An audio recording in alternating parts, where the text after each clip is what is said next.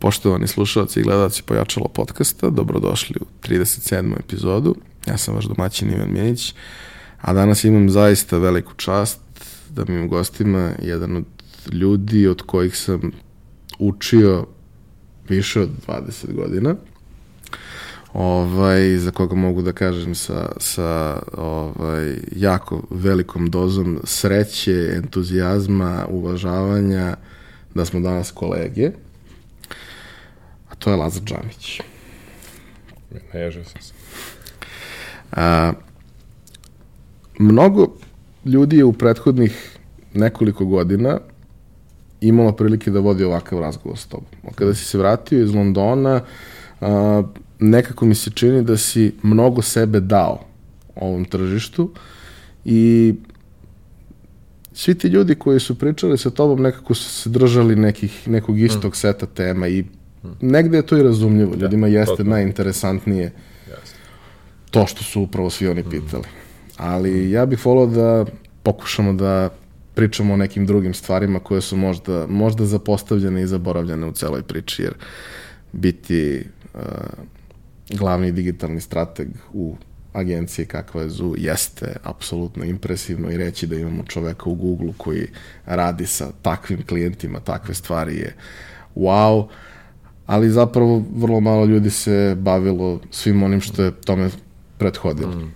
A, a prvi kontakt a, i uopšte e, informacije u, u glavi jednog plavokosog klinca u tom trenutku ovaj, da postoji neki čovjek koji se zove Lazar Džamić je u mom slučaju došao preko mog oca koji, je, koji se bavio marketingom u to neko vreme kada si i ti počeo, u stvari kada je marketing mhm. počeo da nastaje na, na, na ovim prostorima. Uh, imali smo tu, da kažem, priliku da u prethodnom periodu čitamo i nekoliko knjiga o svim tim početcima iz ugla nekih od ljudi koji su učestvovali u svemu tome. Ali nekako mi se čini da si u toj priči ti nekako bio malo, malo drugačiji, pa bih voleo ako možemo da napravimo uvod u naš razgovor, tako što ćemo da napravimo uvod u to kako je u jednoj zemlji za koju ljudi koji su stariji od mene kažu da je bila mnogo lepa i da je nosila sa sobom niz nekih sjajnih stvari, ali koje, kada su te stvari u pitanju bila prilično zatvorena i jednostavno nije pratila sve neke trendove mm. zapada, kako je bilo uh, praviti marketing scenu mm. i kako si se i zašto si se uopšte opredelio da se baviš marketingom? Da, to je odlično pitanje, hvala ti pre svega na ovome. U pravu si potpuno, uglavnom se priča o istim ili sličnim stvarima i baš mi je drago da možemo da otvorimo neke nove teme. Um, ja sam upao u marketing uh, tamo negde kasnih 80. godine, sam moram da kažem da to je bilo nek, to, to, to je bila neka, neko zlatno doba jugoslovenskog a, marketinga. On nije tada počeo, ali je tada počeo da doseže neke svetske, odnosno makar evropske nivoje. Jer marketing je ta, još tamo negde 70. godina u Jugoslaviji počeo da se razvije, to je uglavnom bio tretiran kao neki Sibir u okviru firme, gde su slani najgori kadrovi, najnesposobni. Kada ne znaš s nekim šta da radiš, ti ga gurneš u marketing. Tako to je bilo u to vreme. Međutim, i tu je već tada već počelo polako, pre svega štampa je krenula, počeli su već da se rade a, oglasi koji su na neki način odgovarali i vizualnom i, ajde da kažem, kreativnom aspektu kako to je bilo rađeno u svetu.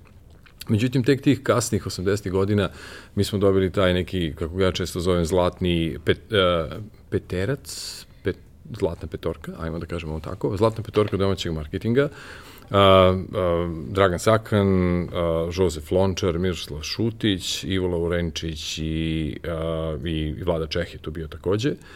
I njih petorica su uh, strahovito transformisali a, ono što mi zovemo marketingom kod nas u to vreme. Sećam tog nekog prvog, UEPS je tada to organizovao u Sava centru, ja sam još u Smederevu tada radio Radio Smederevu i dođem u Beograd, a to je hodočašće na neki način bilo, a, gde sam ja prvi put u životu video i čuo kako se rade marketing istraživanje, gde je Šutica partner, svojom agencijom partner u to vreme prezentirao vrlo robustno i vrlo metodološki, vrlo robustno za, za, za evropske, za svetske uslove. Radili su potpuno kako se to radilo na polju. Istraživanje na temu Bambi brenda, na primjer, ili tako nešto. I to ja sam bio, wow. A, Žozef je bio veliki vernik u istraživanje takođe dosta je čitao literaturu u to vreme i onda je pokušavao da to primenjuje u, u Mark planu.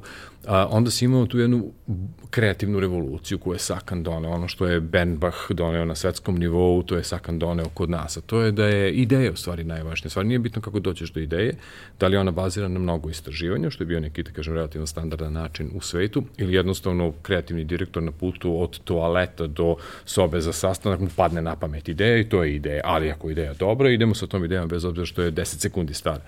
I to verovanje u veliku ideju, da emotivna velika ideja može da menja stvari, to je vrlo ovako sakanovska jedna priča. A, Vlada Čeh je bio briljantan radio čovek. Vlada Čeh je, ja mislim, za radijski marketing kod nas jedno legendarno ima u smislu da on definisao u velikoj meri kako izgleda marketing na radiju, odnosno pre svega oglašavanje na radiju, koji su onda posle Mićko, Hammer Studio iz Novog Sada i tako dalje preuzeli kao, kao neke perjanice tog načina razmišljanja. Dakle, bilo je jedno zlatno doba. Ja sam upao u to zato što je to za mene bilo a, neka vrsta aranžirne stanice u kojoj su se svi moji interesi do tada skupljali na jedno mesto. Znači, i psihologija, i sociologija, i kreativnost, odnosno umetnost, odnosno pisanje, verbalno izražavanje, dobro pisanje, a, i a, pričanje priča, i a, biznis, naravno. I sve te stvari, taj glamur zapada, glamur poslovanja na zapadni način, sve to bilo spakovano u tu jednu reč koja se zvala marketing. Ali svako tih disciplina, znači antropologije, etnografije, psihologije i sve ostalo, je imala svoju primenjenu komponentu u marketingu. Znači nije bila na teorijskom nivou, iako su recimo sa Sakanom, na primjer, radili mnogi profesori sa fakulteta u različitim disciplinama, estetičari, semiotičari i tako dalje, sve to imalo svoju praktičnu komponentu. Sve se to na kraju ispoljavalo u nečemu, onda vidiš kako je svako od njih doneo nešto to novo, ali je imalo praktičnu komponentu. E to je meni bila glavna stvar, da sam ja mogao sve neke moje interese u životu pre toga, svata čitanja raznih vrlo eklektičkih stvari, odjednom je to bilo neka žiža, neka vrsta soče u kojoj se na moje iznenađenje sve nekako povezao, sve, a, ovo je u stvari stvar koja se meni sviđa. I tako krenuo.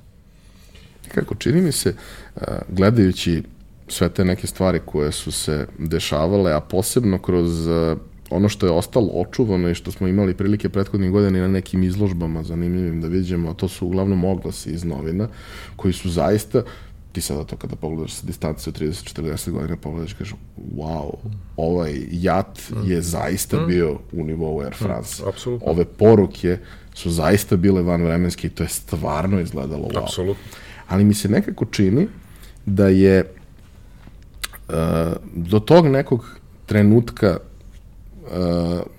kada je došlo do, do kada, kada se stekala kritična masa da se desi cela revolucija, to bilo nešto što je bilo rezervisano za jako velike, bilo nešto što je bilo prilično tromo, a da je onda došla zapravo dinamika u sve to i da je onda ta posle dinamika možda prerasla u nekakvu hiperprodukciju, ali da, da je taj neki period koliko god možda bio nakon toga onaj period koji je bio jako težak za, uh mhm. -huh. za, za ceo ovaj prostor ovde, uh -huh. da je to bilo neverovatna količina genijalnosti i kreativnosti. -huh. i modernosti na neki način uh u razmišljanjima i svim tim stvarima na jednom mestu. Uvek mora da postoji neko ko napravi poligon, pa onda dođu neka deca da. pa se na njemu igraju. Da. E, I obično ti koji ga prave ne dobiju nikad priznanje koje treba da dobiju, jer oni rade onaj posao koji, koji umara do trenutka dok to nešto ne stvoriš. Što je zanimljivo u ovom, slučaju, ti koji su ga pravili jesu dobili, ja mislim, oni su, oni su sada autentične legende našeg uh, marketinga, ne samo advertising, nego i marketing, jer kod nas sve to mnogo integrisanije nego kako je to na zapadu. A, tako da oni jesu, znači svi su oni legendarne imena, svi su oni imali velike agencije, svi su oni, da kažem, dobro prošli od toga u statusnom i bilo kom drugom smislu, ali naravno to ni na koji način ne umanje njihovu važnost za razvoj profesije kod nas. A, ok, odlučio si se, video si da je to to i da je to nešto u čemu želiš da, da se razvijaš. Dolaziš opet iz, iz, i formalno gledano obrazovanje i po nečemu što, čime si se bavio, dolaziš iz nekog backgrounda koji nije baš potpuno linearno vezan sa, Nikako. sa svim tim. Nikako. Sve medija. Mislim, okay. ja sam diplomirao pravo, ali nisam jedan jedini dan radio u struci, ja sam već bio novinar, saradnik u Radio Smederevo. Kad sam diplomirao, onda sam prešao na stalni radni odnos i nastavio da radim u radiju. Tako da meni su mediji bili mnogo interesanti nego pravo. Kako si uh, se razvijao, kako si učio i uh, kako si dolazio u poziciju da uopšte pokušaš to da primeniš i kreneš da primenjuješ to mm. do čega si dolazio? Pa ja sam jedan od onih idiota koji se rade sami, znači koji uče sami u najvećoj meri.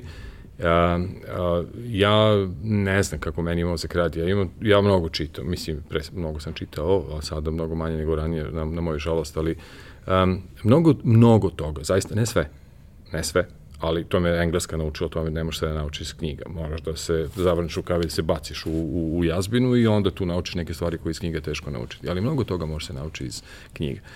I ja sam sve sam učio. Znači, ja sam krenuo da čitam, to je bilo vreme još pre interneta, krenuo jednostavno da čitam što god sam mogu da nađem kod nas na, na tu temu, na temu marketinga. Onda tu je bila gomila prevedenih knjiga, stranih, uh, sad tu dobiješ parčiće, a, stvari, ali moj mozak tako radi da ima a, jaku glad, skoro fizički bol kad ja ne mogu da pravim celinu od, od delova. I odmah počnem da pravim te celine, počnem da sklapam to neke veće celine. I onda shvatim tu postoje neke metodi, tu postoje određeni pristupi, pravci i tako dalje. Verovatno najveću promenu je donelo to, i naravno pričaš sa ljudima, ideš na konferencije ovde kod, kod nas bile, tada je zaista od Žozefa, od e, Šutića, od Sakana mogu mnogo, mnogo, mnogo da se nauči. I um, glavnu promenu je donelo to što sam ja otkrio da britanska i američka čitaonica imaju, da su pretplaćeni i da svake nedelje dobijaju campaign magazin u britanskoj i advertising age u američkoj. I tu se otvori jedna galaksija, jedan univerzum stvari, jer ja shvatim da ja svake nedelje imam najnovije vesti i sveta u, na, na tu priču. I kako me već Bog dao, ja to od korica do korica svake nedelje. A, na kraju godine oni su to bacali. Ja ih pitam šta radite s time, kaže, pa ništa bacimo, jer ko ste normalno, mogu i ja da uzmem to. Kao, pa naravno, ako bolje ti nego da bacim. I ja svake, na kraju godine, 52 primjerka i kampejna i, i advertising age kod kuće i onda redom od korice do korice. Meni je to drastično pomoglo jer mi je prvo otkrilo nove principe, nove metode, otkrilo to o čemu svet priča, šta su trendovi, koja su imena, nove kampanje, studije slučajeva koje kod nas nisu bile poznate i tako dalje i tako dalje.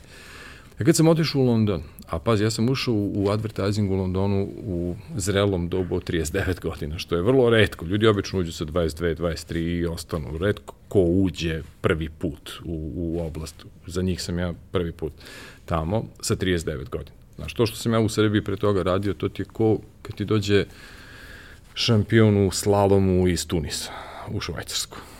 I sad, znaš, ti nešto kao znaš, ali u stvari ne znaš. Ni ne znaš šta znaš, ni ti ne znaš koliko ne znaš. A, meni su ti magazini i to što sam ja čitao nenormalno pomogli da izblefiram bukvalno svoju ulaz u priču. Jer ja sam znao, bolje sam od njih znao što se dešava na tržištu. Ja sam znao imena bolje nego oni. Znao case studije bolje nego oni. I svi su bili kao, wow, ovo je stvarno, znam se vamo da probamo. E onda kad smo probali, tu smo negde se nađemo, postoje su neki kvaliteti koji su, kažem, zadržali u sve ostale deficijencije koje sam imao i tako je cela priča počela. Znači, ja učim sam. Ja sam učio u to vreme sam. I naravno sve što sam mogu da skupim od ljudi koji su znali više od mene u tim raznim oblastima, u to neko, u to neko doba, ali tu kod nas nekako nije baš mnogo razvijeno i mislim da nije ni sada. E, zato se vraćam na tvoju originalnu poentu, ja se trudim da delim što mogu više, jer nekako mi nemamo tu kulturu deljenja. Pa ne postoji navik. Pa da kažem, nekako, kad znaš nešto, ti kao držiš to, znaš, onako za sebe, nekako nije baš da otvoreno ljudi dele tajne, ajde da kažemo svoje. Nije, nije bilo mnogo drugačije u to vreme, ali opet bilo je dovoljno, bilo je malo više da se, da se pokupi, da se, da se nauči. I tako je faktički cijela priča krenula. Da sam, samo učenje, a onda u Londonu, to je potpuno druga priča, u Londonu je trik da se izloziš uvek da radiš sa boljim od sebe. To je glavni trik. Uvek možeš da radiš s od sebe. Jer ako ne radiš s od sebe, nikad ne naučiš ništa novo, a to zahteva određenu vrstu psihološke priče u glavi. Znači, mora, sujeta mora da ode do, kroz prozor. Ja prve 3-4 godine meni je mozak bio sav u modricama, intelektualno. Ja sam shvatio da svi oko mene znaju sve bolje od mene i bilo je, boga mi, zahtevno da se to podnese.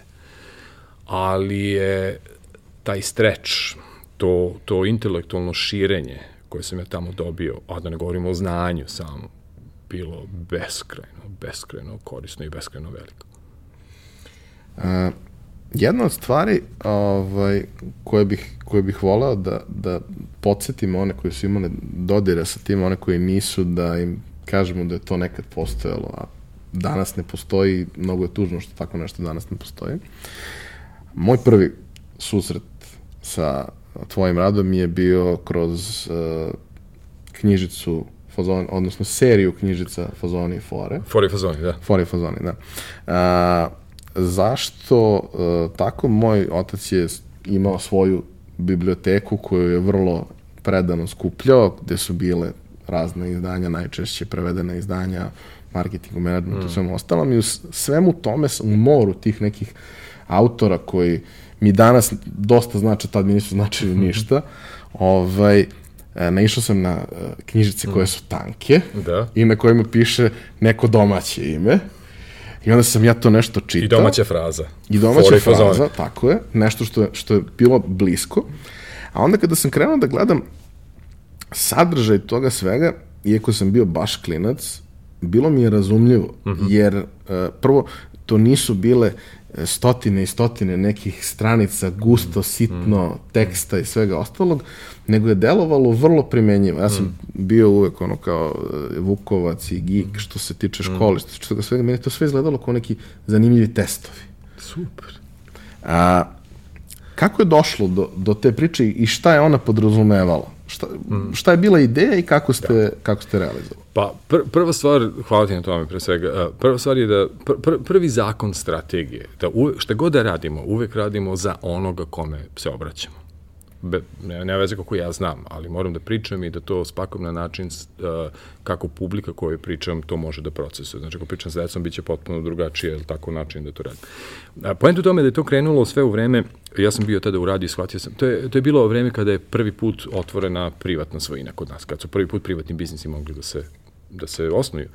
A, većina, većina privatnih biznisa su bile pržionice, kafe i videoklubovi, ne znam da se sećaš, ali to je maltene 70% u što su ljudi ulazili i trgovina je bilo sve. Međutim, u radiju, naravno, radio Smedrivo to vreme, on je bio drugi privatni, mi smo ga pravili, moj kolega započeo, ja sam završio privatizaciju, drugi privatni radio u Jugoslaviju, to vreme, mislim, Srbiji, posle radio Pingvin.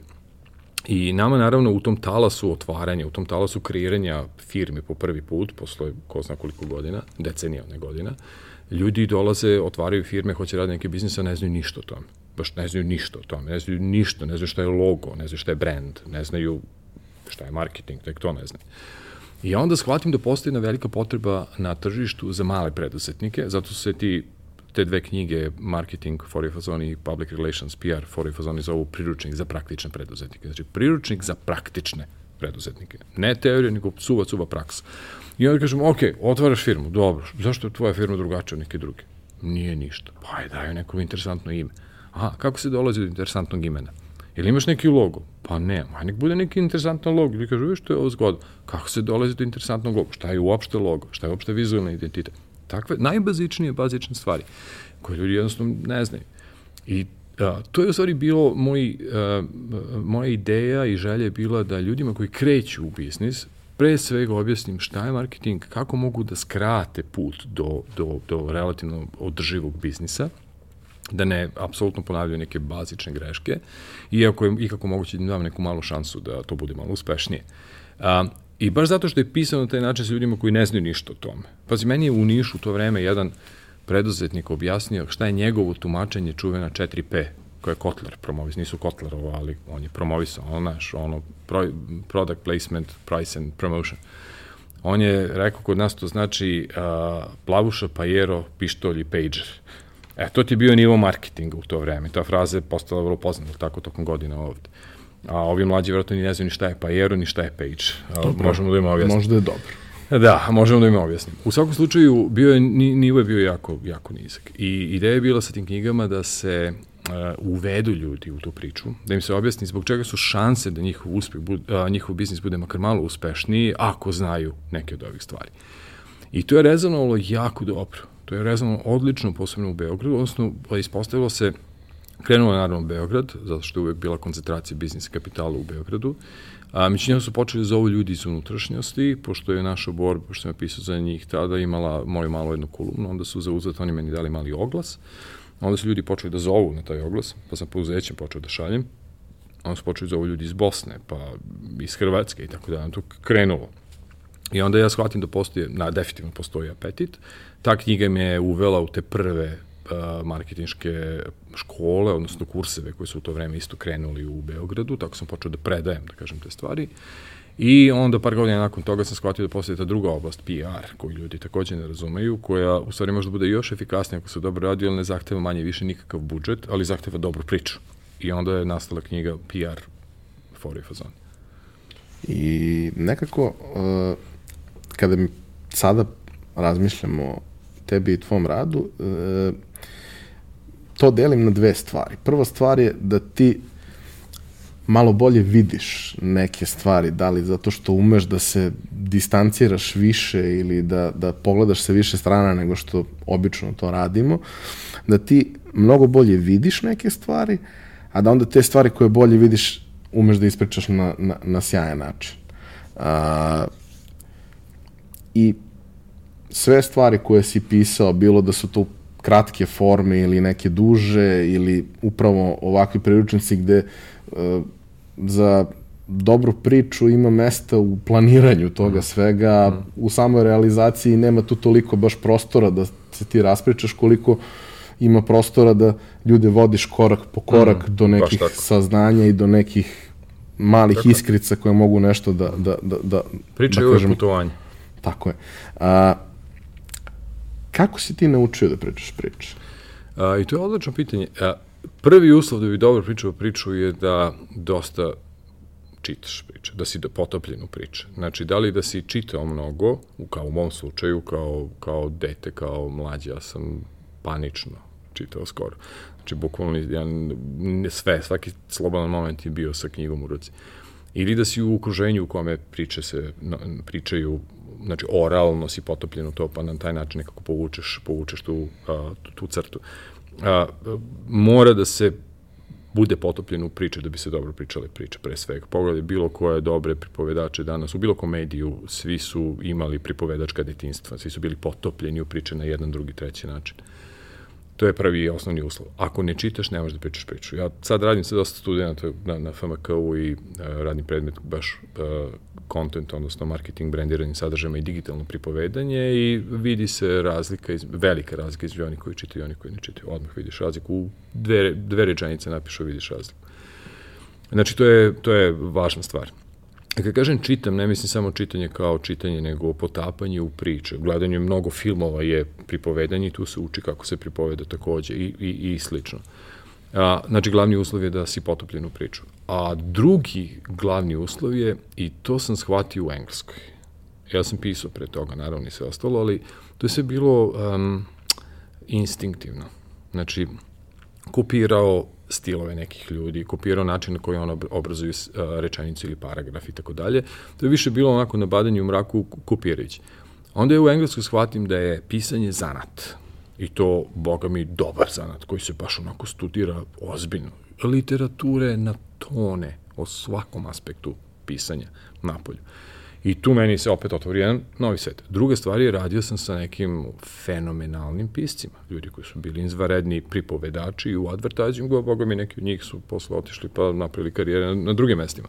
Ali pre svega ljudi koji su bili u stanju da kažu jako mnogo sa vrlo malo reči. A to je ono što kop, dobri copywriteri rade. I onda ti tu radiš sa majstorima svog zanata. I ja shvatim da je to zanat, i da ja to u stvari mogu da počnem da proučavam, da to mogu da učem, da dodam toliko mnogo još nivoa razumevanja toga u odnosu na ono što sam radio pre toga.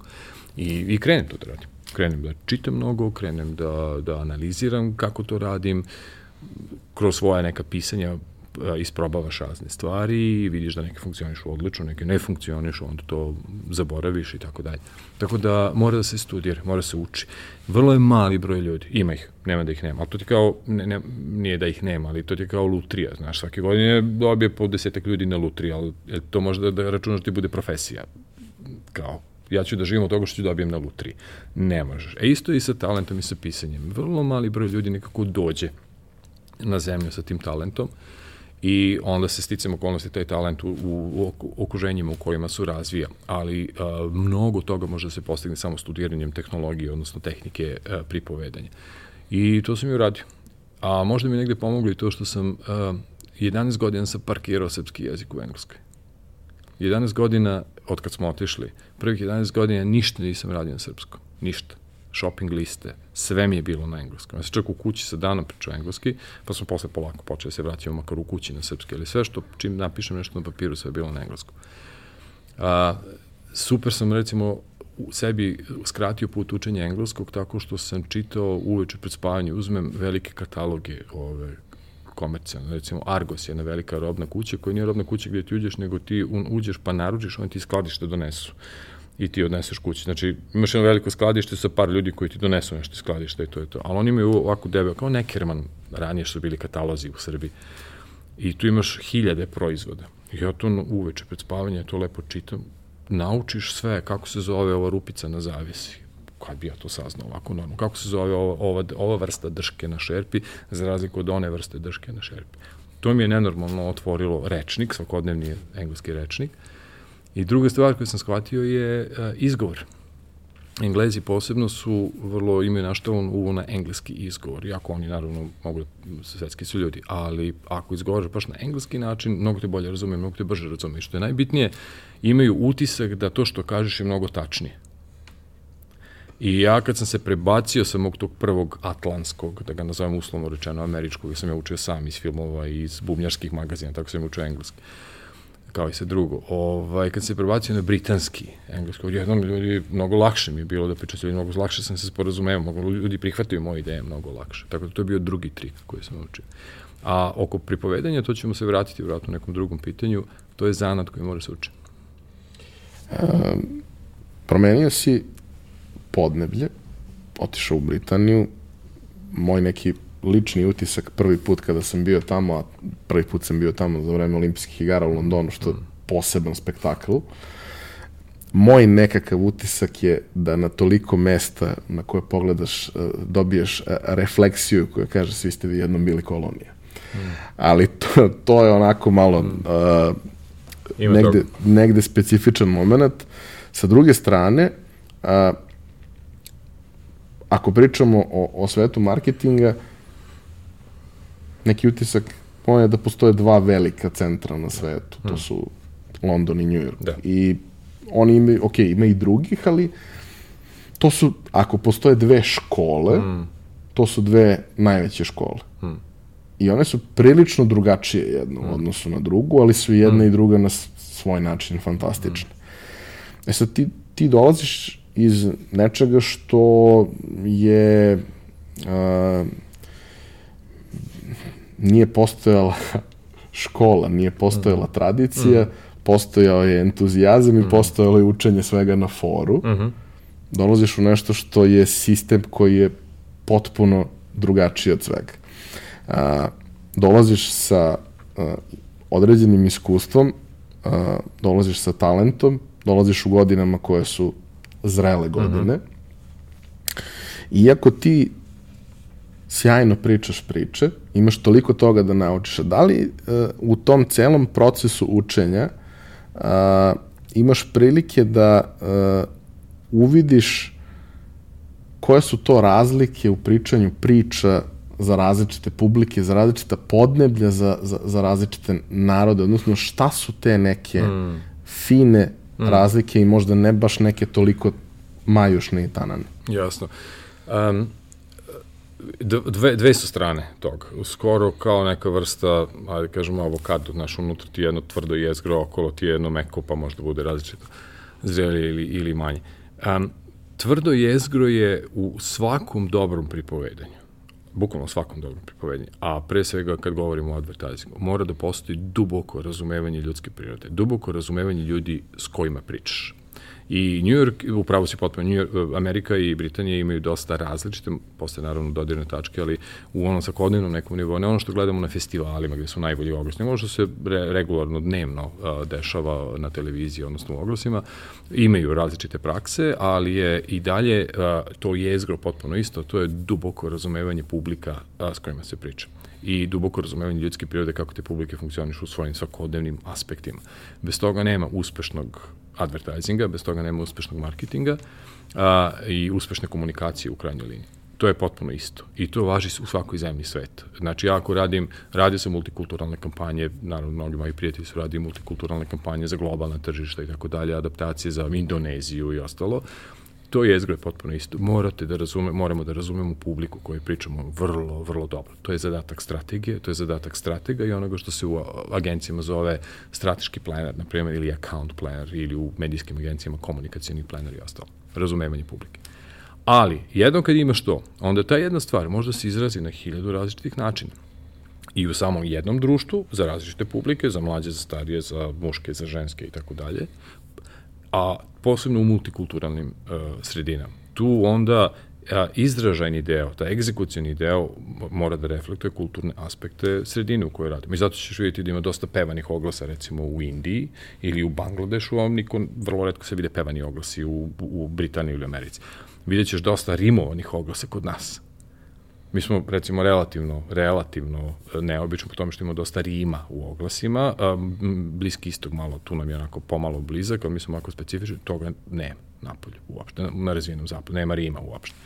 Tako da ti kulturni aspekti sada definitivno ulaze u priču i to je opet deo tog nekog razumevanja kako se radi. Znači, jezgro isto, razumevanje ljudske prirode i publike s kojom pričamo, a onda u egzekucionom delu e, različiti kulturno-antropološki aspekti, mentalitetski aspekti ulaze u priču. Pre 7-8 godina, možda ima, možda ima malo manje, uh, sam imao prilike da slušam jednu tvoju tribinu, predavanje jedno, koje je bilo vezano za uh, cvećarnicu u kući cveća, tvoju knjigu o fenomenu Alan Ford i fenomenu Alan Forda na tržištu bivše Jugoslavije. E, I tada sam saznao da si e, 90. godina e, držao radionice i treninge za e, preduzetnike, mikro, mikro, mm. mikro preduzetnike, mm. kojima si pokušavao u tim radionicama u negde što kraćem roku da objasniš kako oni sa nekim minimalnim donacijama koje su postojale kao deo tog, te, te priče tog sistema, da unaprede svoje poslovanje dovoljno da, kažemo, iskoče mm. u onu neku na zelenu mm. granu, na, mm. na neki način da postanu održivi. Da. A, da li možeš da mi ispričaš malo više o tome? Kako da ne, to je meni a, zaista posle svih ovih godina a, daleko najdrži projekat u životu, daleko najdrža situacija, profesionalna situacija u životu i, i kompliment koji sam dobio nakon toga je vjerojatno najveći profesionalni kompliment koji sam ikada dobio u životu. A interesantno je, a i tužno, da baš pada na, evo sada godišnicu ove famozne oluje, ili bilo vezano za to. Znači, ljudi koji su proterani uh, u toj akciji u Srbiju, izbjeglice iz oluje, uh, a, su u Srbiji u to vreme živili u dosta, da kažem, teškim uslovima i a, jedna od, jedna od načina koji su se snalazili tako što su dobijali mikrokredite od raznih humanitarnih organizacija iz raznih zemalja američkih, evropskih i tako dalje, da mogu da pokrenu mikrobiznise. To znači da dobiju 500-600 maraka u ono vreme, 700 maraka, da krenu s nekim malim biznisom. Zašto? Da bi postali malo više samoodrživi, da ne bi samo zavisili od pomoći, nego da mogu nešto da samo privređuju i da na taj način budu malo samostalni. Većina njih je kupovala kokoške. Kokoške su bile, da kažem, neka vrlo dobra, do, do, dobar biznis, stvari, dobra roba, zato što ima vrlo fleksibilno, znaš, možeš sam da jedeš, možda imaš jaja, pa ti proizvodi hranu, a možda prodaješ kokoške, da gajiš piliće, pa da prodaješ, a možda prodaješ i jaja na pijaci. U svakom slučaju, kad su oni meni pozvali, jedna od tih organizacija me pozvala da kao učim izbeglice kako da budu, da, da rade marketing. Ja naravno, prva reakcija bila da ste vi normalno. A s druge, bukvalno dve sekunde neko to kažem, čekaj, čekaj, pogrešno reaguje. Ako je marketing dobar, ako je pravi marketing, on deluje na svakom nivou. On deluje od, od ličnog nivoa kada sebe kao ličnost pokušavaš da, da negde u, u, izbaciš, iz, izdigneš, napriš različitom, primećenom, do masivne globalne korporacije. Posle se naravno shvatio da mnogo lakše raditi masivne korporacije nego ovo na manjem nivou.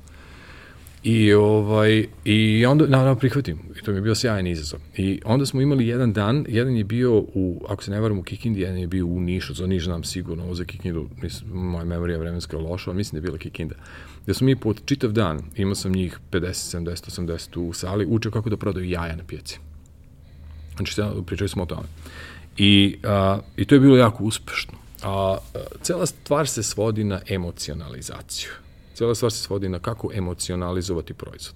Jer suština dobrog marketinga, odnosno pre svega advertisinga, je da se uzme bilo što što je trivialno, koja, koja god trivialna stvar, ova čaša ove vode, i da se pretvori u nešto što je relativno emocionalno i da ljudi kažu, a, vidi kako je to cool, kako je to smešno, kako je to, ja, i tako dalje. Čim ubaciš neku emociju, ti nemaš više proizvod, imaš nešto, imaš brand, imaš drugu vrstu priče, reaguju ljudi na to. I to je standardni princip, to je jedan najjačih principa u marketingu, ja se trudim da stalno koristim.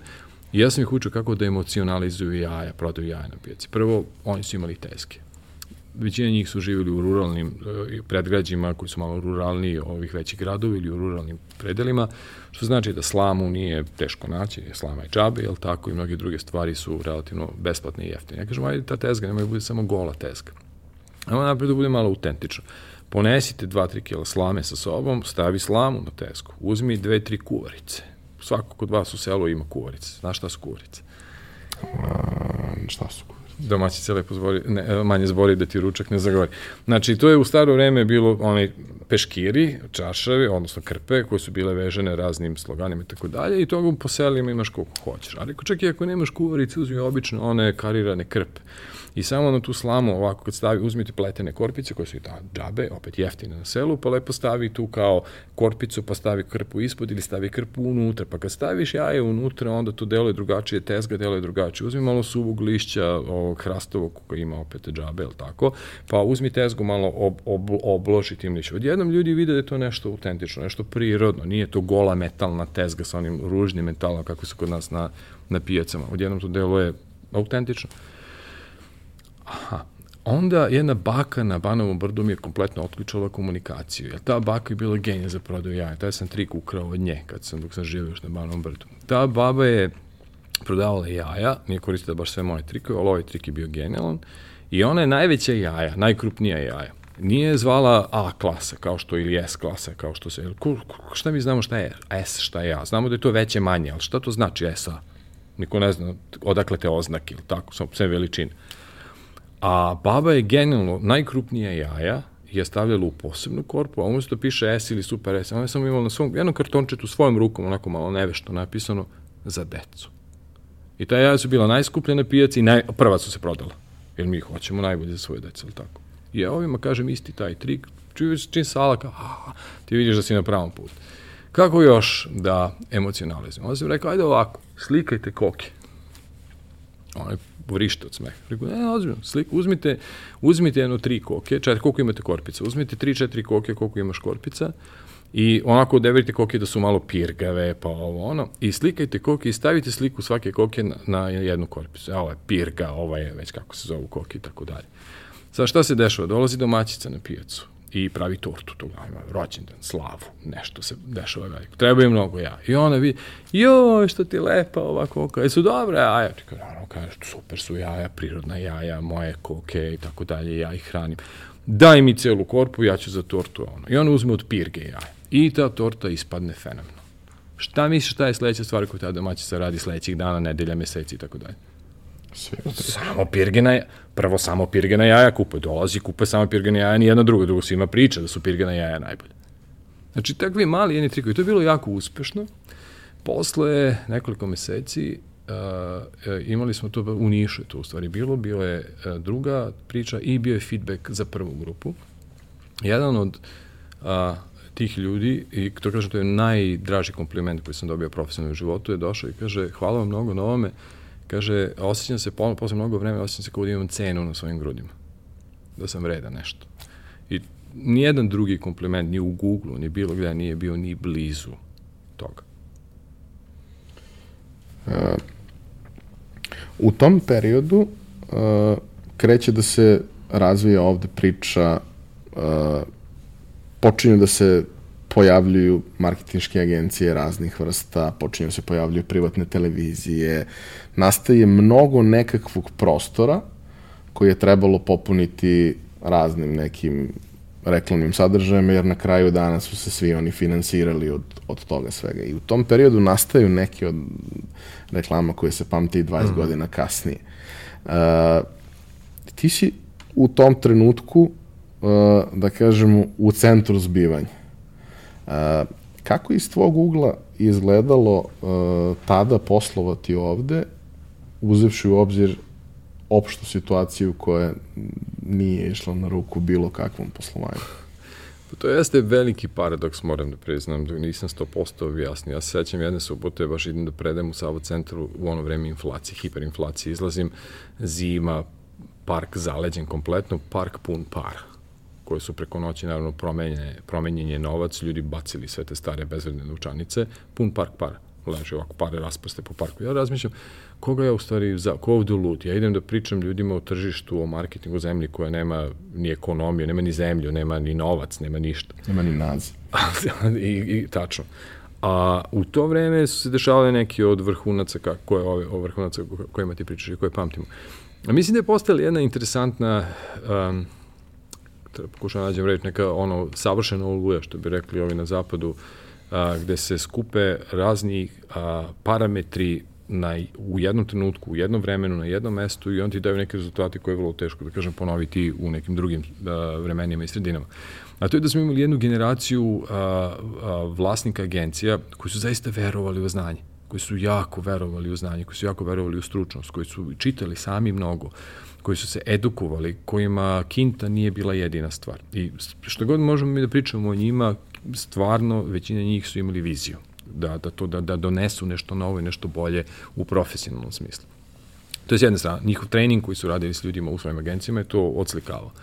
S druge strane, bilo je opet nešto zanimljivo na, na strani klijenata, da su postali klijenti koji su valjda bili toliko već očajni u ono vreme a, da nisu više znali šta da rade, da više nije bilo ono kao ja sam najpametniji u svetu, nego više stvarno ne znam šta da radim, daj radi šta god hoćeš, samo neka, neka ima neki efekat.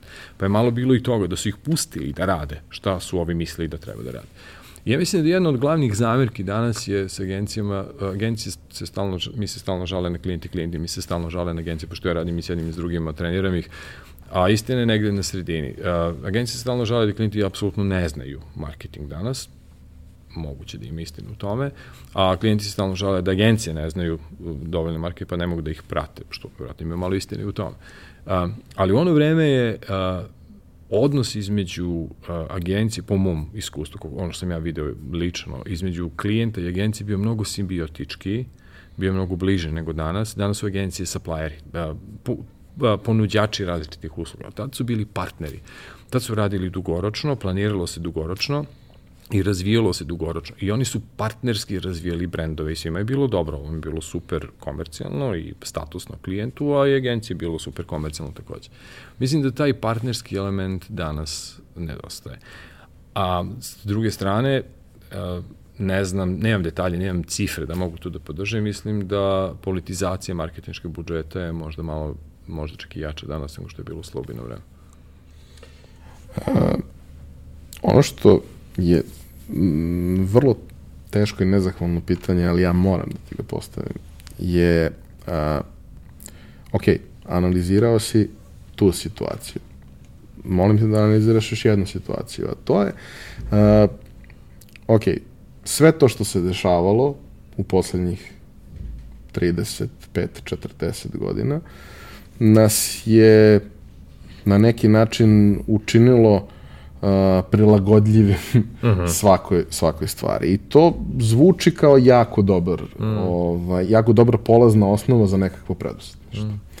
A, sa druge strane, postoji toliko toga što baš nikako nije dobra polazna osnova za preduzetništvo. E sad, a, pošto si ti osoba koja, po mom ličnom ubeđenju, a, na najbolji način identifikuje i mapira mentalitetske stvari na, na ovim našim prostorima. Šta ti misliš da je naš a, najveći kvalitet, uh mhm. -huh. a šta najveća kočnica i šta možemo da uradimo po tom pitanju kada pričamo baš o tome da preduzetništvo na neki način predstavimo kao alternativu u običajnom karijernom putu na, na ovim prostorima. Da učinimo da, da preduzetništvo bude prihvaćeno kao nešto što je okej. Mm. krenut ću sa ovim drugim, ovim poslednjim delom tvog pitanja. Prvo, šta učiniti da što bude više prihvaćeno? To, to je sistemska stvar, da se razumemo. To, to, to bez sistema ne može. Ako sistem, Izrael, zemlja u ratu permanentno, bez resursa, pustinja, brate, napraviše čudo tehnološko. Zašto? Zato što im je bilo važno što su hteli to da urade. Sistem je hteo to da urade. Znači, to je sistemska stvar. Ako je sistemu bitno da se preduzetništvo razvija, sistem će pogurati tu neku priču. Ako sistemu nije bitno da se to razvija, onda neće. Tako da a, mi možemo i na individualnom nivou da radimo mnogo, mnogo, mnogo šta, a, možemo da se sami obrazujemo, možemo se obrazujemo kroz svoje parnjake, možemo se obrazujemo kroz razne NGO-ove, hubove i mnogi druge institucije koje danas postoje, koje u ono vreme nisu postale, koje daju mnogo, mnogo edukacije potencijalnim ili, ili realnim preduzetnicima kod nas. A, postoji dosta toga što mi možemo da uradimo, ali najiskrenije ako hoćeš ono na društvenom nivou, da to postane seksi, da preduzetništvo postane, neko od nas kaže preduzetnik, ti misliš na nekog namazanog tipa koji muva to nije slika preduzetništva koju mi hoćemo. Mi hoćemo ono, ono drugo, ono zapadnjački varijantu preduzetništva. Imaš da odličnu ideju, uz pametnu biznis strategiju i pa, pametnu finansijsku podršku ti napraviš proizvod koji postane lokalno, regionalno ili globalno uspešan. To je sistemska stvar. To apsolutno ne može bez sistema i to mnogo toga mora da se uradi još kod nas da bi to došlo na taj neki nivo. Sve što trenutno može se nadamo smo da se država skloni s puta, a ne da smeta. A o nekoj velikoj pomoći tek treba da pričamo. Um, međutim, ova druga priča, mi, mi kao preduzetnici, mentalitetska priča, mislim da ima dve stvari, dva, dva ugla, dve strane. Jedna je svetla, jedna je tamna. Uh, ono što sam video, uh, govorim iz dva ugla. Jedan je upoređujući naše preduzetnike ovde s kojima sam bio u kontaktu u ove poslednje tri godine od kad, od kad sam se vratio sa preduzetnicima u svetu. I ono što sam vidio kako naši ljudi funkcionišu u, okruženjima u inostranstvu, u, pre svega u Engleskoj Americi. A, mi nosimo sa sobom određene kulturne, mentalitetske karakteristike u proseku. Ne govorim sada svi mi, ali u proseku vide se neke tendencije. A, jedna od tih tendencija imamo visoko mišljenje o sebi.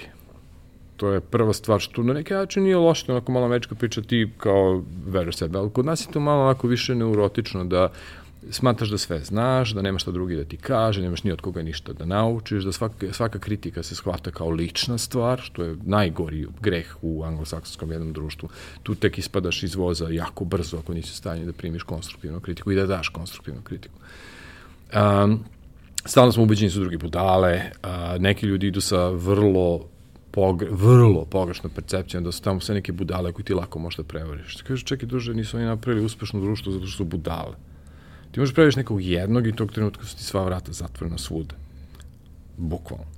A, takve neke stvari. A, nosimo te neke malo, malo smo više previše mačo, a, ne znamo da pričamo, mi ne znamo da komuniciramo sa strancima. To je veliki problem. Um, na, naj, najbolji primjer toga sam dobio kad je Mika Tasić, koga takođe znaš, ja, Mika, Mika ja smo tako, stalno smo pokušavali, ja, meni, ja sam pokušao uvek da nekako držim Miku blizu i gde god sam bio u situaciji da ga uvučem negde, ja sam ga uvlačio. Jedna od mojih prethodnih, prethodnih agencija sam, um, sam ga dobio kao, kao, kreativno, uh, kao kreativnog tehnologa. I Mika i ja na sastancima, mi pričamo normalno, daj bre, nemoj, znaš, ali na engleskom, ali kao daj, ne, pusti to, ajmo da pričamo Englezi poplašeni, naši brainstormovi najgori, niko ne učestvuje i tako dalje. Ja sam se baš pitao zašto, šta je to što, što je... Ljudi se plaše, naša komunikacija je konfrontacijona, zvuči konfrontacijona, mi pričamo konfrontacijona. E to kad smo shvatili, onda smo prešli na engleski modus, to je bilo onako malo bolje. Znači, prvo moramo naučimo komunikaciju. Tvoje mišljenje je samo jedno od mnogih mišljenja u prostoriji, da drugi ljudi imaju potpuno ista prava, čak i veće od tebe, jer su iskusniji u toj oblasti i tako dalje i tako dalje. Profesionalizam je jedan od stvari. Mi smo toliko navikli da, da smandrljavamo, da buđimo, da mislimo da je to jedina stvar kako se to radi. I onda kroz to buđenje nekad zaboravimo na profesionalne korake koje stranci moraju da pošle da bi svom šefu opravdali da je sve bilo odrađeno kako treba i tako dalje i onda tu upadnemo u taj neki procesni konflikt i, i profesionalni konflikt. A opet s druge strane, a, pre svega u digitalnim industrijama, to što smo baš takvi kakvi jesmo, možda budi prednost u nekim aspektima. To što smo brzi i baš to što tražimo rupe i, i stalno tražimo prečice, vrlo često može da bude prednost i može da donese do bržeg, jeftinijeg, efikasnijeg rešenja nego se ide po procesu. Znači, moramo da vagamo gde mora da se pošto ili makar da se dobro iskomunicira zašto se nešto radi, a gde ne, razumeš što hoću da kažem. Ali nekad nam je to prednost, to što smo navikli na haos je dosta velika prednost. Posebno u firmama kao što su Google i tako dalje.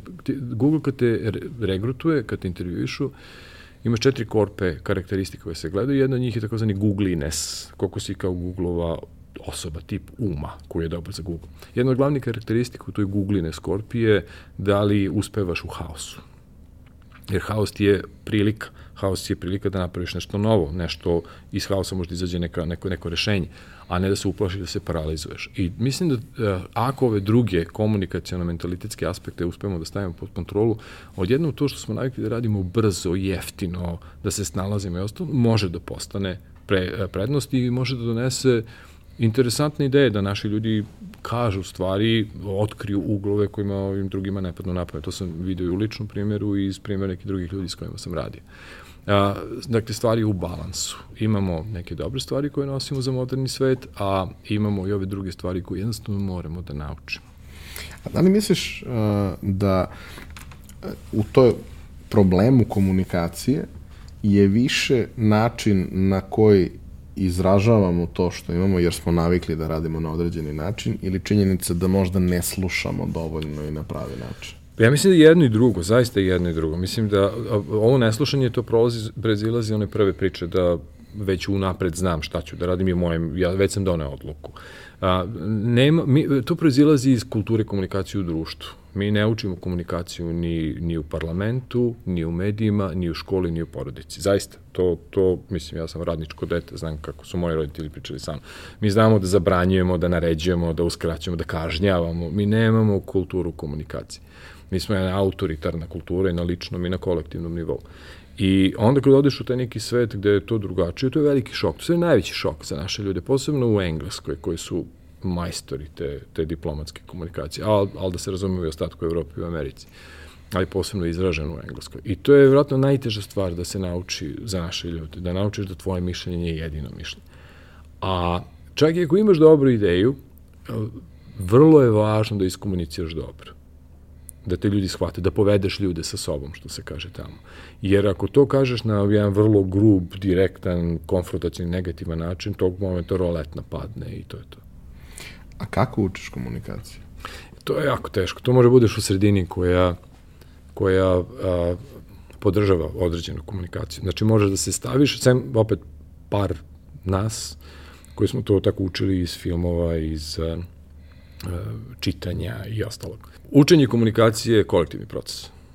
Mora se bude u toj sredini, može da budeš u timu koji tako komunicira i onda polako učiš.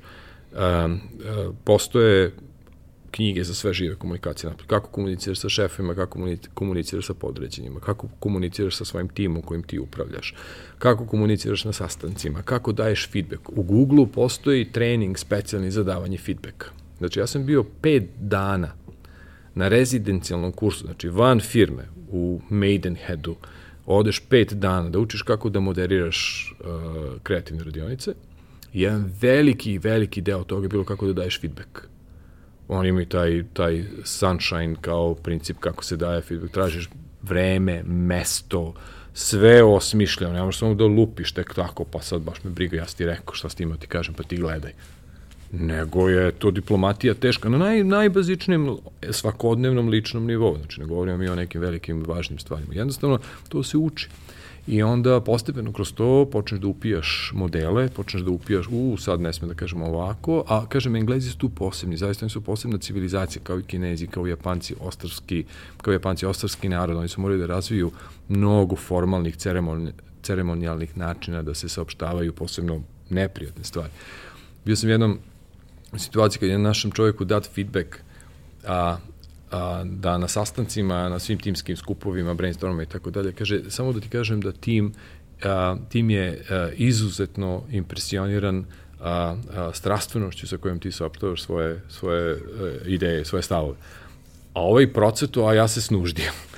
I kad smo izašli, on kaže, ej, super je prošlo. Rekao, ne, Nije super prošlo uopšte, sad ću ti objasniti. Ja kad sam njemu objasnio šta smo u stvari rekli, on se čovjek zgrano, ali autentično se zgranuo čovjek. I, to i tu vidiš tu veliku, veliku civilizaciju, um, izvinjam se, komunikacijsku razliku koja postoji. Pa i civilizacijsko. Pa ne bi ulazio u to, ali definitivno opet to je veština. Da ne, da ne ulazimo u, u te neke nivoje. To je veština, to je jednostavno nešto što se uči kao i što učimo kao što hodamo i pišemo i ostalo. Uči se kako komuniciraš sa ljudima oko sebe i neke sredine, uh, zato što napolju ti ne, sme, ne možeš sam da radiš. Ti apsolutno mora da budeš deo tima. Ne, nema više usamljenog kauboja, vrlo malo toga postoji. Mora da budeš deo tima. A njima je tim mnogo važnija uh, stvar od pojedinca. Oni kažu uh, delivery unit je tim, a ne pojedinac.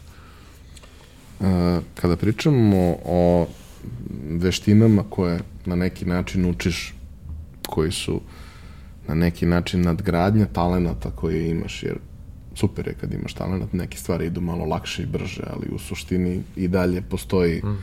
određeni broj koraka koji mora da se pređe, pa svakako mora.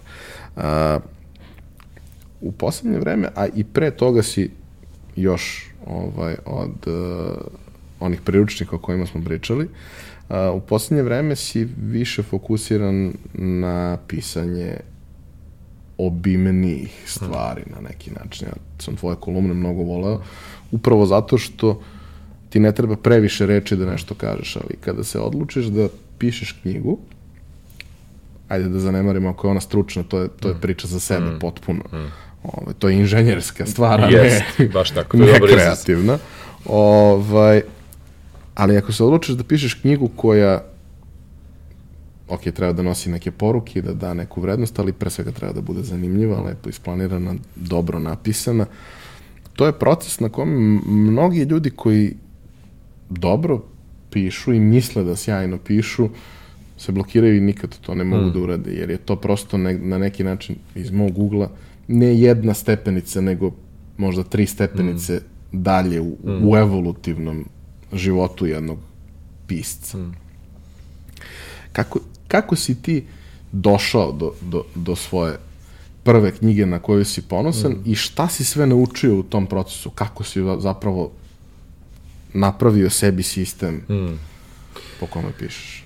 A, pa da, to je, to je dugo putovanje i to, to si potpuno pravo. To, pisanje je jedan usamljenički posao i jedan mučan, u stvari, posao. I sad opet zavisi od toga šta se piše. I ja sam do sada do skoro relativno uglavnom bio u kratki, kraćim formama, esejima i negde publicistika je ono moje, moje prirodno stanje. Međutim, Čajočljivo je vjerojatno najbliže čemu sam došao beletristici, na neki način, i to sam između ušao i sad ide više, sve više i više u pravcu beletristike. Um, pisanje, ja ne znam koja je knjiga na kojoj sam najviše ponosan, svaka je u tom trenutku bila meni važna. Znaš, u svakom trenutku, svaka knjiga koja je izašla do sada, ja sam hteo nešto da kažem što je meni u tom trenutku bilo važno ili sam, ili sam smatrao da će biti važno nekim drugim ljudima, jer nekako nisam vidio druge stvari koje su to objašnjavale po meni bolje tada. A e, proces traje. Najbolja knjiga nikad nije napisana, tako. To tek treba da stigne, ako ikada dođe u život. Um, ali uh, ja pišem, ljudi pišu na razne načine. Evo ovako, ako uh, pišemo pre svega beletristiku ili onu jaku publicistiku koja ima dosta elemenata beletristika, ono novi žurnalizam što bi ga nazvali. Ovo što sad radim za, za vreme, na primjer, je tu opet u, tom neku, u toj nekoj priči. A, različiti ljudi na, rade to na različite načine. Ja sam jedan od onih, a mnogo više tih, koji moraju da imaju sve isplanirano unapred pre nego što napišeš bilo šta. Znači, tačno kako ide argument, kako se to zove. Tačno koje su mi glavne teze, kako su teze poređene po redu, kako se logička kaskada jedna pravi, celog argumenta i on, tako recimo Cvećarnicu kući cveća bila pisana. Ja sam pa jedno, dve nedelje, tri na putu za posao, sa posla uveče, u 11 sati je već onako kompletno zombiran u, u kuhinji za stolom, pisao teze šta bi sve trebalo tu da bude. I trebalo mi jedno, dve nedelje da imam, dve, tri nedelje, da imam sve teze, celine, da kažem, pojašnjene sebi u glavi. I u svakoj od tih poglavlja, odnosno celina, detaljne teze šta bih hteo u tome se da kažem, koje su mi reference, asocijacije bilo i ostalo, uglovi. Tog trenutka se samo piše. I ja tako pišem. Ja sve izmapiram dok hodam u tušu i tako dalje. Ja pojavljuju mi se teze koje ja stavljam stalno na papir, beležim na, na blokčić, u blokčić, na pače papira i sada sve više u laptopu. I kad osetim da sam tu negde iscrpeo što sam imao od uglova gledanja, onda sednem da pišem i to se moja žena frapira i dan danas da je Cvećanica ispala maltene za dve nedelje cela knjiga, ali sam i ja u stvari pisao 3-4 meseca pre toga u glavi kroz teze, kroz razredu. Ostalo, ostalo je bilo samo bukvalno da baciš reči na, na, na, taj, na taj kostur koji je već postojao. I tako mnogi ljudi rade, koliko znam, većina ljudi piše tako, a neki drugi, posebno kad su romani u pitanju Stephen King, na primjer, oni otkrivaju knjigu dok je pišu. Znači oni krenu sa nekom imenom lika i onda počnu od imena lika da prave celu priču. Krenu sa malom anegdotom koju su videli u novinama i onda krenu da tu anegdotu o, o, o da kažem oblikuju u roman, počnu da dodaju druge likove, situacije, tako dalje, tako dalje.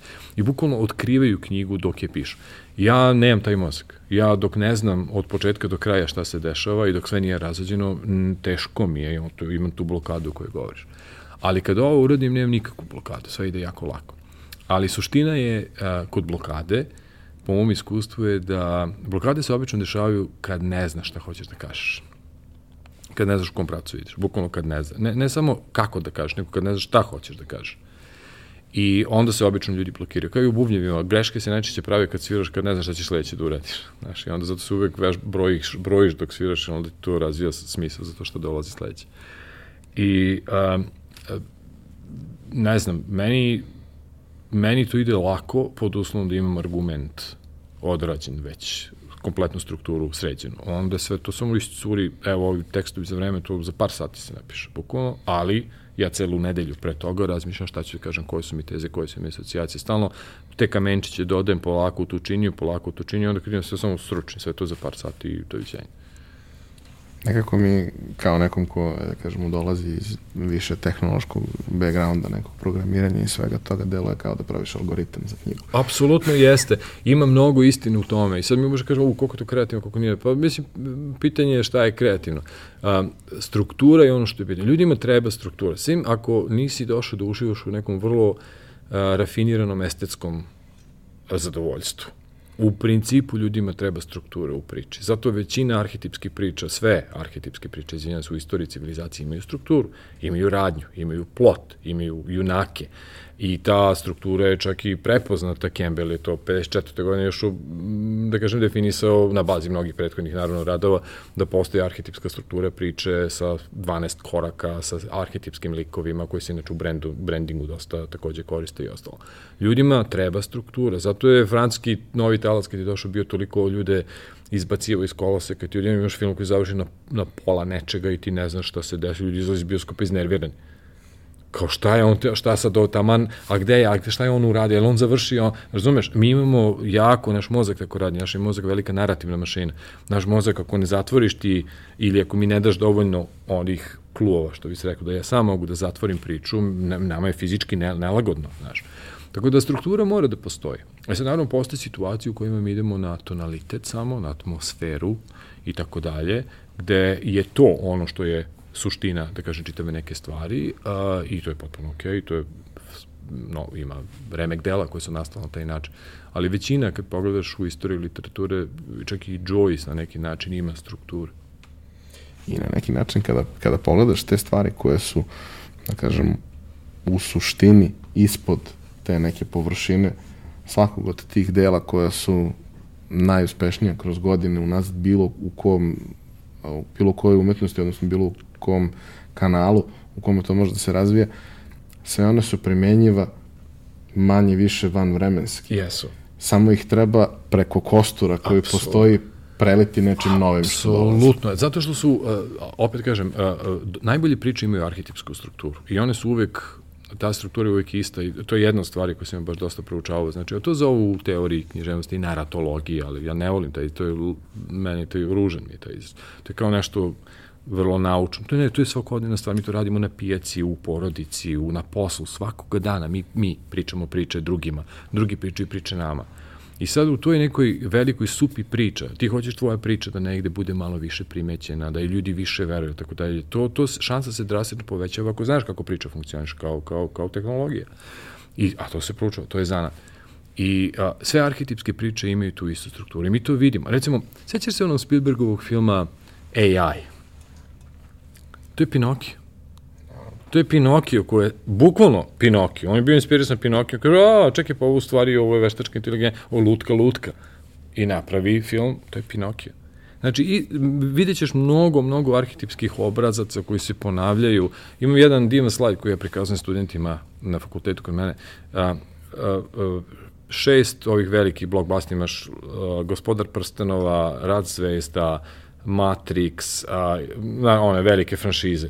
I onda imaš a, arhetipski likove potpuno isti arhetipi se pojavljuju u svim od tih filma, uvek samo neko, naravno druga su lica, imena, ali potpuno isti arhetipski, on Campbellovski, potpuno univerzum spako.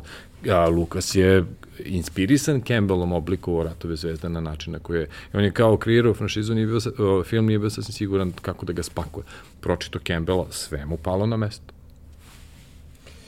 E, jedna od stvari e, kojima si se posvetio od kada si se vratio, osim što i dalje da kažem, predaješ na fakultetu, držiš a, treninge. A, jedna od stvari kojima si se posvetio i kojima si rekao da ćeš se posvetiti je upravo pisanje. Uh. -huh. a, prošle godine je izašla knjiga a, koja je zaista, da kažemo, pravi vodič kroz content marketing mm i zaista je fantastična, ali to je stručna literatura. Mm. Šta su stvari na kojima planiraš da radiš u narednom periodu? Da, e, evo trenutno dosta već dugo cedim i to isključivo je do mene e, knjigu o Mitru Subotiću Subi, našem poznatom producentu, muzičaru koji je u Brazilu napravio tu karijeru, u stvari postao poznat tamo, dakle bio dosta poznat kod nas, ali niko živi na ulici nije znao za njega. A, a, mislim da ta priča mora da se ispriča zato što je on uz Gorana Bregovića najpoznatije domaće ime, domaće moderne popularne muzike u svetu. A kod nas niko živi ne zna, njega sam vrlo malog broja konosera. Tako da hoću tu, tu priču da ispričam jer mi je jako zanimljiva i nek, neka vrsta mi je simetrije kao druga strana medalje od svećarnice. Uh, Alan Ford je strani kulturni proizvod koji je postao naš, a Suba je domaći kulturni proizvod koji je postao brazilski, odnosno svetski. A, znači to radim, e, imaću na, vjerojatno ću imati na sajmu knjige neku vrstu uh, najave i promocije prvih nekih, da kažem, materijala, ali sad kako stvari stoje izgleda, knjiga neće biti gotova do kraja godine kao što sam planirao, pošto ove godine je 20 godina od subine smrti, ali sigurno se pojavljuje do, do, do proleća sledeće godine, znači na tome radim. Um, a, šta još radim? A, planiram jedan umetnički projekat za sledeću godinu, a, hoću da mentalno izmapiram kapitalizam. Znači, kako sam već krenuo da radim, imam prvu, to su, biće diptisi, znači dve infografike, po dve infografike, je, svaki ima jedan aspekt kapitalizma, ali daje pozitivnu i negativnu stranu. Ali je sve izmapirano na bazi re, realnih, robustnih naučnih istraživanja, to znači sve ono što nam psihologija, sociologija, socijalna psihologija, behavioralna ekonomija, sve druge, da kažem, nauke govore, to je spakovano sada u te mape. Znači, evo zašto kapitalizam znači mizeriju, a evo zašto znači sreću. A ja sam vidio jednu drugu stranu u Londonu. Ali mi je fascinantno bilo kad me ljudi pitaju kako je tamo. Ti kažeš, pa vidi, ima dobra strana, ima loša strana. Pa sam hteo da izmapiram i dobru i lošu stranu. I onda ću tu uraditi sa više nekih pojmova i aspekata toga, tako da to je umetnički projekat za sledeću godinu, mentalno mapiranje kapitalizma i imam jednu bucket listu od 30-40 knjiga koje se nadam, nadam da ću uspeti da izguram ovaj, do, do kraja života. Za kraj volao bih samo još jednu stvar da, da mi kažeš iz tvog ugla, a to je uh, kuda ide marketing? Mm -hmm. Pa na bazi onoga što ja uspevam da vidim, uh, Google je tu bio odlična osmatračka tačka, moram da priznam globalno. Uh, stvari se u razvijenom svetu, one su se već pomerili u ogromnoj meri u digitalne kanale. Znači, oni više ne prave razlik s digitalnog i kao analognog ili realnog. Oni koriste izraz post-digitalni svet. To digitalno je sad deo našeg regularnog života, nije to nešto sad posebno kao. A, sve se digitalizuje, sve više i više stvari ide u digitalno na različite načine, ne samo kroz ekrane, kroz uh, IoT, kroz senzore i tako dalje, tako dalje. Sve postaje kognitizovano, što bi Kevin Kelly rekao. I a, ono što vidimo je da se većina tih stvari bazira na podacima. A to znači da podaci postaju sve značajniji u marketingu, iščitavanje tih podataka, tumačenje tih podataka. A, moj bivši kolega iz Google, Ben Jones, je nam rekao, podaci i dalje čekaju svog Scorsese, neko ko će to da, da koriste da priča fenomenalne priče, to je ono što sam ja pokušao da radim sa svojim timom u, u Zoo. Podaci postaju gorivo marketinga sve više i više. A podaci mogu da se koriste za optimizacije, analitičke optimizacije različitih aspekata onog levka kroz koji potrošač prolazi ili aspekte poslovanja uh, kompanije, ali podaci mogu da nam daju vrlo jake uvide, emotivne uvide za pričanje vrlo jakih emotivnih priča i za empatičku manipulaciju. A, marketing ide u pravcu i već jeste u velikoj meri marketing špioniranja. To znači da se bazira na o, o obzervacijama našeg ponašanja u digitalnom prostoru. Svako od nas svakog meseca ostavi za sebe oko 20.000 signala u digitalnom prostoru. Pametni brendovi, pametne platforme to kupe, analiziraju, a, a, a, algoritmuju i onda nam šalju personalizovane poruke, gurkaju nas malo po malo na ovu ili onu stranu, kako već njima odgovore šta je njima profitabilnije. I to neće stati, to će se pojačavati dok ne bude neke vrste univerzalne, globalne, legalne kontrole. Trenutno Evropa tu vodi na tu temu, Amerika je daleko, intelektualno, filozofski, jako daleko od toga, oni ne voli nikakvu vrstu kontrole. I ići će u sve većem pravcu uh, korišćenja podataka i manipulacije tih podataka. Uh, marketing je već ušao u vrlo sive etičke zone, i postavlja se pitanje uh, ko, koliko tikvi će da pukne i kome će da puknu tikve pre nego što se potrošači sami polako počnu da se osvešćaju da kažu ok, ovo je sad malo previše, neću više ovo.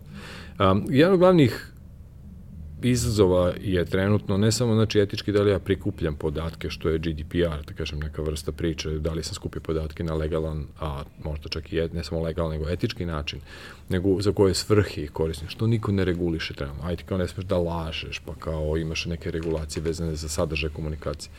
Ali za korišćenje podatak u, koje, u, u kojim situacijama i svrhe ih koristimo, to nije regulisano. A takozvani empatički mediji koji se baziraju na velikim količinama podataka koji sada analiziraju veštačke inteligencije, koje se radi na potpuno drugačijem nivou analize podataka nego što smo mi to statistički radili ranije, a, omogućavaju sve veću i veću manipulaciju naših a, a, a, emotivnih stanja mood states, što ih zovu englezi. A to znači, ako depresivna osoba ima tendenciju da više šopinguje, da li će sistem da počnete namerno, da te gure malo sve više i više, da te drži u depresiji, da bi nastavio da šopinguješ. Taj deo nije regulisan, to niko ne reguliše trenutno. I mi ne znamo šta s time da radimo. A, mislim da će stvari ići u tom pravcu, sve više i više. Vlastištvo nad podacima postoje velika priča. Po jednom, jednoj statistici koju sam video, a, do kraja sledeće godine vrednost naših ličnih podataka u Evropi samo i će biti, koliko oni vrede na tržištu, marketičkom tržištu, će vrediti 8% evropskog bruto društvenog proizvoda ukupno. To je masivna vrednost koju mi nemamo trenutno. Tu vrednost drže, mi ne dobijamo nikakav protivrednost, je kao imaš besplatnu uslugu, besplatnu platformu Facebook. Ali u suštini Facebook pravi pare, a mi imamo besplatno pravo da koristimo tu parcelu da se glupiramo ali Facebook pravi pare od toga, mi ne pravimo pare od toga, sem mali broj biznisa koji koriste to za neku vrstu promocije i tako dalje. Znači, naši podaci postaju uh, zaista zlatni rudnik u naj, najbukvalnijem smislu, samo što mi kao građani od toga nemamo nikakve vajde i onda će biti jedno veliko pitanje da li će se postaviti, pojaviti trenutak u marketingu i u biznisu kada će uh, očigledno zakonodavci, a ne mi sami kao građani reći, ok, sad mora taj deo te vrednosti se prebaci na građane. Ja lično iz, najiskrenije, ja, ja podržavam uh, ograničavanje upotrebe podataka u marketinške pre svega svrhe, naravno u medicinske, tako druge to može bude jako korisno, ali u marketinške svrhe zato što a, 2002. godine kada sam bio u nekoj radnoj grupi njihovog ministarstva za trgovinu ispred direct marketing industrije, kad je uvedena prva regulacija a, ovaj, elektronske komunikacija iz ugla privatnosti, a, svi su se bunili da će to drastično da im smanji univerzum potrošača s kojima može da se priča, što na jedan način jeste bilo tačno, da su Englezi našli hiljadu rupa tu, ali ono što se desilo je da je kvalitet komunikacije otišao gore. Baš zato što smo morali da budemo relevantni, što smo imali ograničenje, kvalitet i relevantnost komunikacije se drastično podigle. I u stvari industrija je bolje počela da radi zbog toga. Nije bombard, nisu ljudi bili bombardovani svakakvim džubretom svakoga dana. I to sam video svojim očima i mislim da isto to će se desiti ako, sa ovim novim nekim ograničenjima, da će marketing morati da postane mnogo odgovorniji, mnogo pametniji, mnogo relevantniji i mnogo personalniji da bi bio uspešniji, a ne samo da bombardujemo ljude kako smo navikli gomilom džubreta i da se nadamo da će neko to da vidi ili na to da klikne. Um, a ove druge ozbiljnije ozbiljni parametri koje nemamo još danas, ali ćemo ih imati za nekoliko godina, kao što je empatička manipulacija, To su vrlo ozbiljni i realni izazovi sa kojima se društva sad suočavaju, civilizacija naša suočava, ne samo pojedinačne firme i tako dalje. Mi trenutno nemamo baš odgovor na, na, na taj izazov i ostaje da se vidi šta će biti. Lazare, hvala ti što si bio. Uh, nadam se da je bilo lepo. Nadam se da ćemo još nekad imati priliku da pričamo na neke opet nove teme. Uh, poštovani slušalci i gledalci, vama hvala na pažnji. Kao i do sada, molim vas da sve svoje komentare, ideje, predloge, sugestije pošaljete. Na kraju dana mi ovo radimo zbog vas. Hvala još jednom.